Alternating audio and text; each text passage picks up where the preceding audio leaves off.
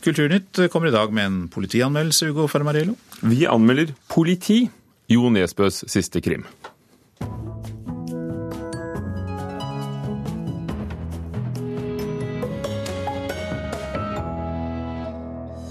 Jo Nesbøs nyeste roman setter også rekord for førsteopplag i Norge. Vår kritiker Leif Ekle forteller hva som gjør Nesbø stor, også litterært. Bokstrømming på nett kommer før sommeren også i Norge. Og Høyre vil gi 10 millioner kroner til filmfestivaler og cinemateker i forslag til revidert nasjonalbudsjett. Harry Hole, detektiven, slår Harry Potter når Jo Nesbøs siste bok blir lansert i natt.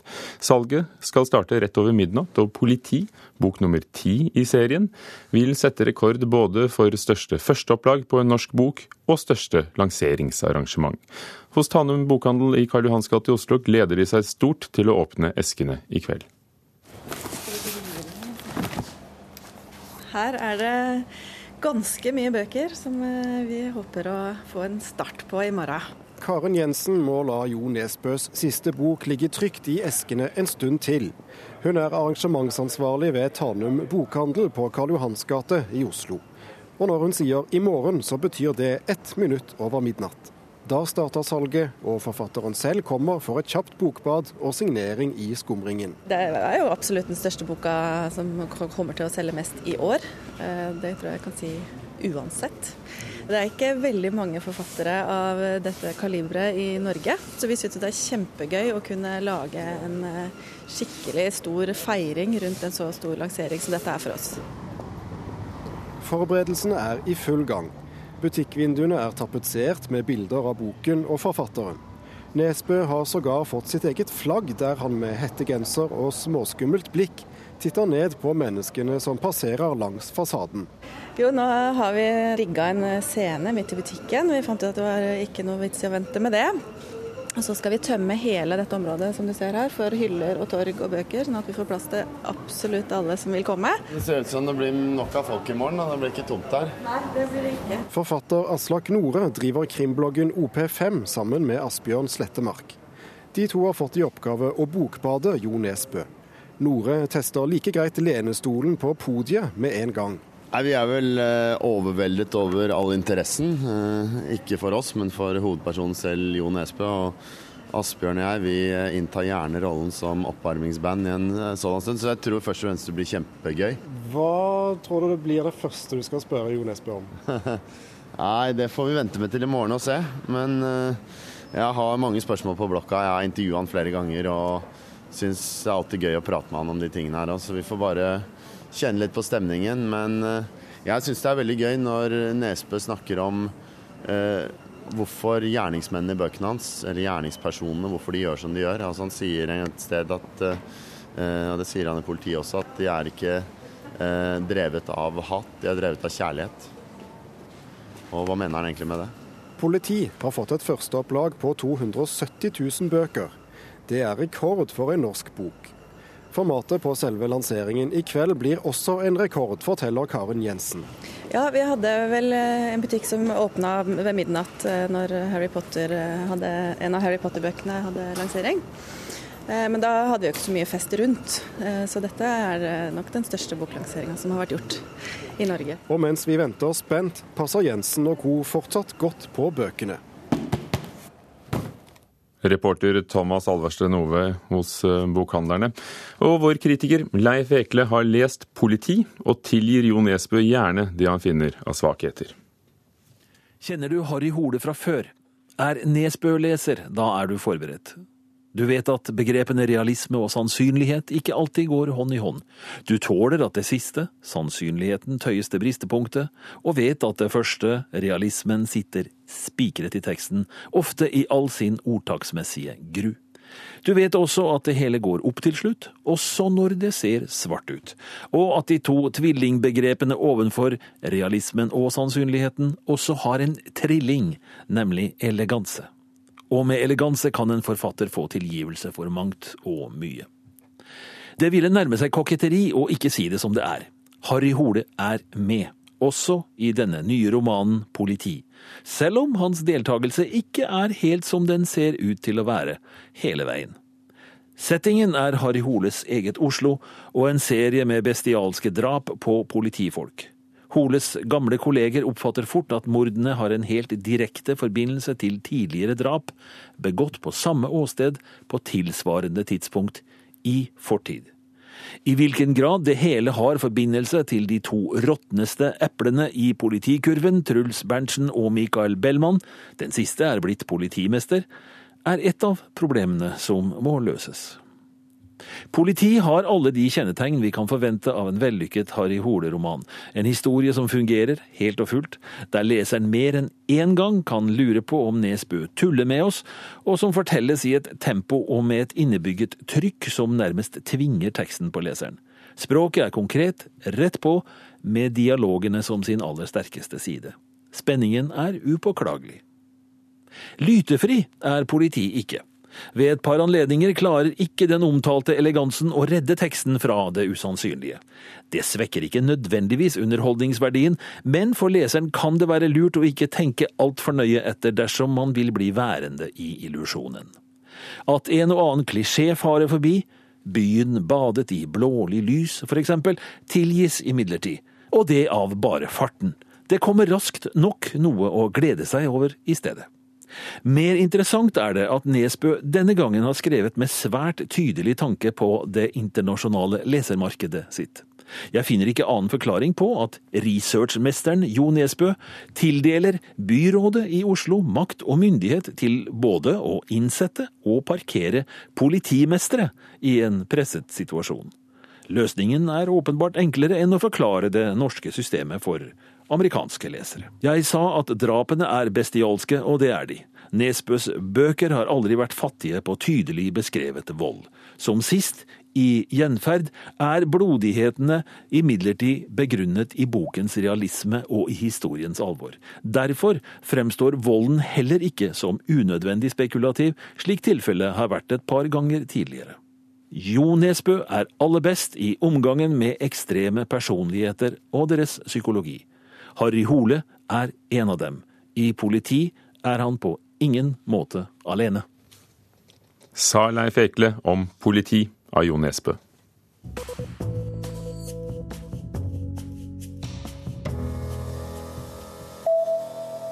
Oslo Arbeiderparti presses av egne kulturtopper til å slutte opp om SV og byrådets kompromiss om å få til et nytt Munch-museum i Bjørvika. Når det er flertall for Munch-museum i Bjørvika, skulle jeg ønske Oslo Ap kunne slutte seg til flertallsvedtaket, sier tidligere kulturminister Åse Kleveland til Dagsavisen. En annen tidligere kulturminister, Ellen Horn, ber kollegene i hovedstaden støtte Munch i Bjørvika.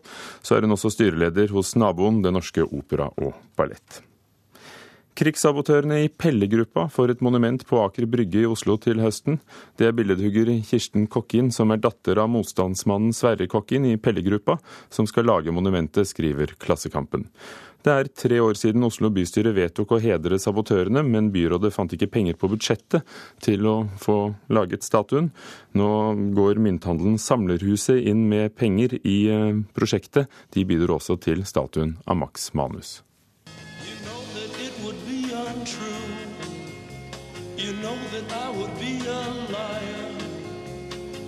I was to say to you, girl, we couldn't get much higher.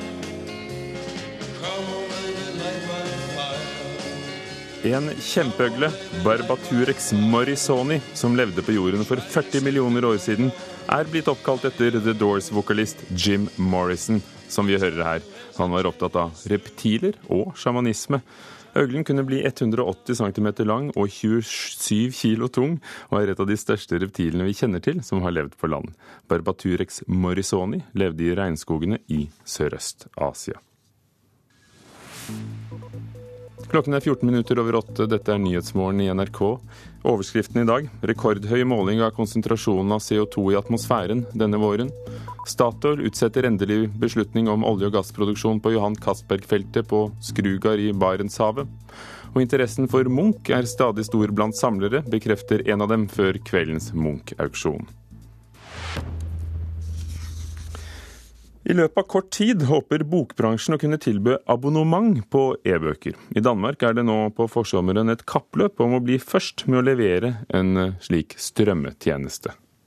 Jeg pleier å ta med meg én, og så kjøper jeg én når jeg er der. I bokhandelen ved flytogperrongen på Oslo S. Noen sliter med å velge bøker til ferien. Andre mimrer om bøkene de la igjen i Syden. Så nå har jeg vært ute og reist, og da leste jeg tre bøker på en uke. Hvorav én på vei ut, én mens jeg var der, og én på vei tilbake. Men nå vil bransjen at du ikke skal trenge å ta med bunker av bøker på tur. Snart kan du abonnere på e-bøker gjennom et slags Spotify eller Netflix for litteratur. Jeg tror faktisk at vi får flere folk til å lese enda mer enn de gjør i dag. For et par år siden tjente danske Morten Strunge vel 100 millioner kroner på mobiltelefoni. Nå skal 27-åringen lansere tjenesten Mofibo den skal gi danskene tilgang til en strøm av e-bøker til lesebrettet for under 100 kroner i måneden. Jamen, vi går på markedet her i, uh, til sommer. Jeg er jo i Danmark i dag, i København. Anders Storbråten i selskapet eReads har lenge arbeidet med å få til dette i Norge. Nå er han i et kappløp med danske Morten Strønge om å bli den første til å tilby bokstrømming i Danmark. Det er jo et kappløp å få det ut ferdig, priset og distribuert bredt. Eh, forskjellen på oss og de er vel at eh, de har ikke teknologien ferdig, mens vi har hatt det lenge. Og etter Danmark står Norge for tur, forteller Storbråten. Forlagene har sagt at de ønsker å komme i gang med oss før sommeren i Norge, eh, og da, da er det ikke så lenge igjen. Det er på en måte en ny, ny, vei ut til leserne. Her hjemme er både Forleggerforeningen og forfatterne positive til ei bufféløsning for litteratur. Og alle veier ut til leserne er er positivt. Leder for Forfatterforeningen Sigmund Løvåsen forteller at bransjeorganisasjonene er enige om hvordan inntektene skal deles. Nå ser han for seg at tjenestene kan være på plass i løpet av noen måneder. Eh, jeg vil tippe at det vil skje ganske raskt. Eh, når det nå eh, løsner i Danmark, at vi vil få det også her i løpet av sommeren eller tidlig på høsten, vil jeg anta sa Sigmund Løvaasen i Forfatterforeningen til vår reporter Sondre Bjørdal. Terje Kolbjørnsen, doktorgradsstipendiat ved Institutt for medier og kommunikasjon ved Universitetet i Oslo. Hva tror du skal til for at eh, bokstrømmetjenestene vi hørte om her, skal eh, lykkes? Nei, jeg vil jo for det første si at uh, for, for all del håpe at de lykkes. Vi trenger nye forretningsmodeller. og Det er tre komponenter som, som jeg mener må på plass. Det må være en brukervennlig tjeneste. Du må finne et prisnivå som er eh, attraktivt for brukerne, og du må ha innhold på plass. Og de eh, digitale innholdstjenestene som ikke har fungert, har jo f.eks. mangla på innhold eller på brukervennlighet. Hva, hvilke andre tilbud finnes allerede av, av lignende tjenester? Det finnes jo eh, et knippe av strømmetjenester for, for, lydbøker, som jo er et beslektet område som ligger på en måte opp mot, mot musikkområdet. Um, og så er det mindre tjenester, mye sånne små startup-selskap uh, som ikke har tilhold her i Norge. Og disse nye aktørene faller jo på en måte inn i det mønsteret hvor vi må se. Men hva er forskjellen på hva de vil lansere og den e-boken som vi kjenner, men som har problemer med å ta i Norge? Det de vil lansere, er jo en strømmetjeneste, altså et stort bibliotek, et mediebibliotek fokusert på, på e-bøker. Eh, hvor du har eh, tilgjengelig et, eh, et, egentlig et gigantisk univers, da, sånn, i hvert fall prinsipielt, hvis det er det vi snakker om strømmetjenester som, og som du kan bruke fritt for en, for en flat pris. Men må man være online for å lese? Det, altså Ha internettforbindelsen i orden? For det, det er jo ikke alltid uh, fins på tog, fly eller er fryktelig dyrt i utlandet. Nei, nå har jeg jo ikke prøvd ut de konkrete tjenestene som det er snakk om her. Eh, jeg går ut ifra at de må finne en modell der hvor du kan eh, ha tilgjengelig offline én eh, eller to bøker, et begrenset antall, i tillegg til det store streama mediebiblioteket. Det er en tilsvarende løsning som man har i, i Wimp og, Spotify, hvor du kan ha offline tilgjengelige låter. Ja, for, for, dette er jo da det som finnes av musikktjenester. Hva tror du bokbransjen kan lære av film- og musikkbransjen, hvor, hvor det er ganske utbredt? Eh, det er nok en del de kan lære. Det er noen forskjeller i, mediebruk. Men eh, det som er interessant, er at dette er eksterne aktører for bokbransjen. Og det tror jeg er avgjørende for om eh, bokbransjen også skal lykkes med digitale innholdstjenester. At de faktisk inngår samarbeid med eksterne aktører. Eh, dette kommer jo an på forlagene. Vi har hørt at eh, fordelingen av pengene mellom forfatter og forlag eh, er de enige om. Det hørte vi Forfatterforeningen si her. Men vet dere, medieforskere, noe om hvordan bokstrømming vil påvirke salget av papirbøker, og eventuelt det vi kan kalle den allerede etablerte e-boken? Nei, Det er det vanskelig å si veldig mye om. Altså, Papirboken lever jo fremdeles i beste velgående i de aller, aller fleste internasjonale markeder. Eh, vi ser at eh, markedsandelen til e-bøker i Norge er stigende, men er fremdeles på et veldig lavt nivå. Eh, det vi kan se for oss, er jo at hele litteraturområdet egentlig fragmenteres i større grad. Så du får mer spesialiserte tjenester for ulike typer litteratur. Kanskje strømmetjenestene vil egne seg best for kortformattekster, egentlig. Men det som kanskje kan vise seg å å finne en konkurrent, er bibliotekene. For dette minner jo stort sett på det bibliotekene har tilbudt med papirbøker, og etter hvert gjør også med bøker. Mm. Ja, det er jo mange som har, eh, har sagt det, at uh, et sånn såkalt Spotify for, for e-bøker som man snakker om, det har vi allerede. Det, eller Spotify for bøker, det er biblioteket. Um, jeg tror at uh, en velfungerende strømmetjeneste vil kunne spise seg inn på særlig bibliotekenes e-bokutlånstilbud. Kanskje ikke det tradisjonelle bibliotekstilbudet. Men du sier pris kommer til å være viktig. Fins det noe erfaring på hvor, hvor lite det må koste for at folk har lyst? Eh, nei, altså nå har jo uh, musikkstrømmetjenesten lagt seg på et uh, nivå med 99 kroner i, i, måneden. og Det er folk mer enn villige til å betale, men det er ulike måter å, å bruke disse medietypene på, altså hvordan man bruker musikk, hvordan man uh, bruker bøker. Det er ikke så mange som leser veldig mange bøker uh, i måneden. Uh, og bokprisen i Norge er vesentlig høyere enn at jeg tror de kan legge seg på det tilsvarende nivået med lønnsomhet. Takk skal du ha, Terje Kolbjørnsen ved Institutt for medier og kommunikasjon, Universitetet i Oslo.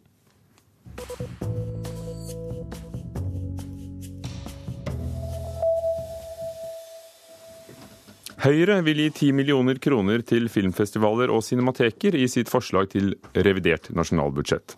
I går vedtok bransjens egen organisasjon, eh, altså kinobransjens organisasjon, Film og Kino, kutt på over 20 millioner kroner fra formidlingen eh, av film, og dette gjør de fordi de har tapt inntekter av DVD-salget.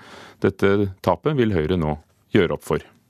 Ja, Da er vi i Nova kinosenter, der Cinemateket i Trondheim eh, har sine filmvisninger. Han viser gamle og nye filmklassikere i Trondheim. Nå er Svein Inge Sæter redd for at Cinemateket må legge ned driften. I går vedtok bransjeorganisasjonen Film og Kino å kutte over 20 millioner kroner til filmfestivaler, cinemateker og andre filmformidlingstiltak. Da blir det stilt. Det blir ikke uh, like mye aktivitet som det har vært her. Men nå vil Høyre hjelpe filmfestivalene og cinematekene ut av den økonomiske krisen, sier Olemic Thommessen, som legger inn 10 millioner kroner til filmformidling i sitt forslag til revidert nasjonalbudsjett. Det er en midlertidig løsning, og sikkert ikke en tilstrekkelig løsning, men det er iallfall et beløp som vil kunne få skuta til å flyte, inntil vi kan få en endelig klarhet i dette i forbindelse med statsbudsjettet til høsten. Film og kino lever av en avgift på DVD-filmer.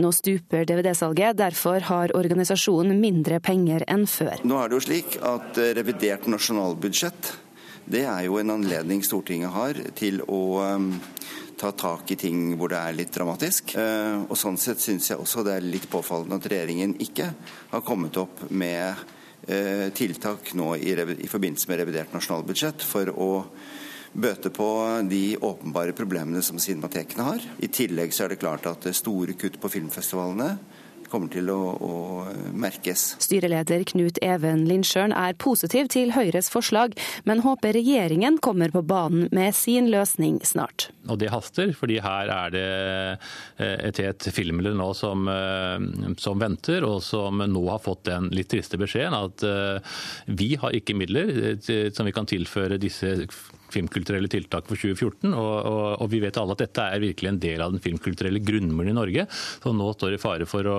ramme. Så, så, det haster med å få på plass en god løsning. Kulturminister Hadia Tajik sier hun vurderer ulike løsninger på film og kinos økonomiske problemer. Det kan være flere løsninger på dette. Det ene kan være å tilføre midler, sånn som vi dels har gjort ved å tilføre de nesten 3 millioner kroner mer. Eh, det andre kan være å flytte noen av oppgavene over på statsbudsjettet.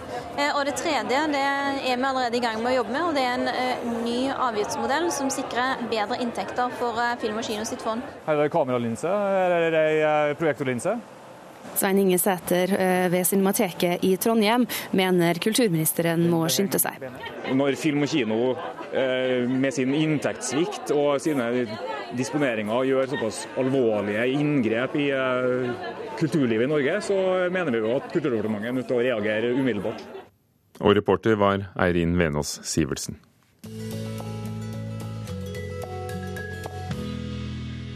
I kveld skal 41 bilder av Edvard Munch under hammeren. Blant dem er en utgave av Madonna med prisantydning på rundt 7 millioner kroner. Grevedels plassauksjoner i Oslo har holdt sine Munch-auksjoner siden 2000 med ett klart ønske. Nei, vi, Det er jo naturligvis at vi skal få bekreftet stor interesse for Munch, og enkelte i hvert fall. Spektakulære priser. Sier Hans Rikard Elgheim, daglig leder i Grevedels plass auksjoner. Prisspennet er forventet å ende på mellom 30 000 og 8 millioner kroner. Så får vi se. Dette er jo en uvanlig stor auksjon. Det er den største som har vært frembudt noen gang. Så om det er kjøpere til alt, det gjenstår å se. Men um, noen høydepunkter ønsker jeg meg. Ned. Forsiktig, forsiktig løftes en variant av Munchs Madonna ned fra veggen for en siste inspeksjon ved papirkonservator Hanna Finnmorud før det skal under klubba i ettermiddag. Fordi det er så mange sånne spesielle ting med akkurat den Madonnaen her, så har vi vært på Munch-museet og undersøkt henne to ganger i mikroskop og sammen med konservatorene der. Og hun er i veldig fin stand, og hun er egentlig akkurat sånn som hun skal være. Den perfekte standen er også det som tillater et prisanslag på litografiet på mellom fem og sju millioner norske kroner, og som gjør det til en av auksjonens soleklare favoritter. Hos oss denne gangen er det nok eh, noen motiver fra den såkalte livsfrisen. Og enkelte av dem er av veldig høy kvalitet. Madonna er kanskje det som stikker seg frem som juvelen denne gangen. Hei. Hei. veldig leken. Så har han veldig lyst til å Bamse, hold opp! I en hvit villa ved foten av Holmenkollåsen bor investor og kunstsamler Bjørn Herding med bl.a. en hund og et utall kunstverk på veggene. Nei, altså, jeg, har jo fulgt uh, uh, ja, kunstmarkedet enda lenger, med Munch-markedet ja, gjennom en 30-årsperiode. Det er ingen nyhet at Munch er av stor interesse blant kunstsamlere. Men enkelte svingninger er det der, som i alle andre marked. De gode Munch-ting har alltid vært veldig kostbart i forhold til de fleste andre kunstnere. Du kan si at det toppet seg litt i 2007-2008. Det ble oppnådd fantastiske priser på gode, gode Munch-ting. Altså. Og så kommer da finanskrisen i 2008. Setter da selvfølgelig en brems på markedet. Det var jo virkelig krise. Du kan si at flere av disse Munch bildene. Det gjelder både malerier, det gjelder også grafisk arbeid. Har egentlig aldri kommet tilbake til de nivåene. Blant unntakene er enkelte av Munchs verker. På toppen røver ikoniske skrik, etterfulgt av Madonna og et knippe andre motiver. Motiver som ser ut til å fortsette å stige og stige i verdi. Nå har man jo da sett at det har vært et par fantastiske noteringer igjen. Man hadde jo da når det gjelder malerier den fantastiske noteringen av salget til, eh, fra Petter Olsen, 'Skrik'. Og eh, nå eh, i mars måned så fikk man jo virkelig sett at Munch har en posisjon. Sånn som den, det tresnittet, fargetresnittet, 'De ensomme', som gikk på Sotheby's 19. mars i år for eh, ja, en og en kvart million dollar. Herding har tro på gode resultater når Munch går under klubba på Grev Edels plass auksjoner seinere i dag. Hans Rikard Elgheim har også troa. Munch 150 bidrar til økt interesse, men han understreker at samlere i liten grad lar seg styre av jubileer og jubileumsutstillinger. De merker økt aktivitet og økt interesse nå, og så får vi se om det lar seg avlese på prisene. Sa Hans Rikard Helgheim ved Grevedels plass auksjoner. Ettermiddagens seksjon finner sted klokken 18, og da får vi se hvordan det går med prisene. Reporter var Pål Buseth. I Kulturnytt i dag har vi hørt at mangel på realisme og sannsynlighet oppveies av elegansen hos Jo Nesbø, ifølge vår anmelder Leif Ekle, som hadde lest den tiende boken om etterforsker Harry Hole. Ekle sier spenningen er upåklagelig. Det er et kappløp mellom norske og danske aktører om å være først ute med strømmetjenester på nett av e-bøker. Og Høyre vil gi 10 millioner kroner til filmfestivaler og cinemateker allerede i år for å kompensere for det sviktende DVD-salget som filmbransjen lider under. I ettermiddag i Kulturnytt klokken 16.30 får vi rapport fra Markusplassen og de norske bidragene til Venezia-biennalen, som åpnet nå nettopp. Kulturnytt. Var ved Per Ivar Nordahl, teknisk ansvarlig, Eivind Våge, produsent, og Ugo Fermariello, programleder.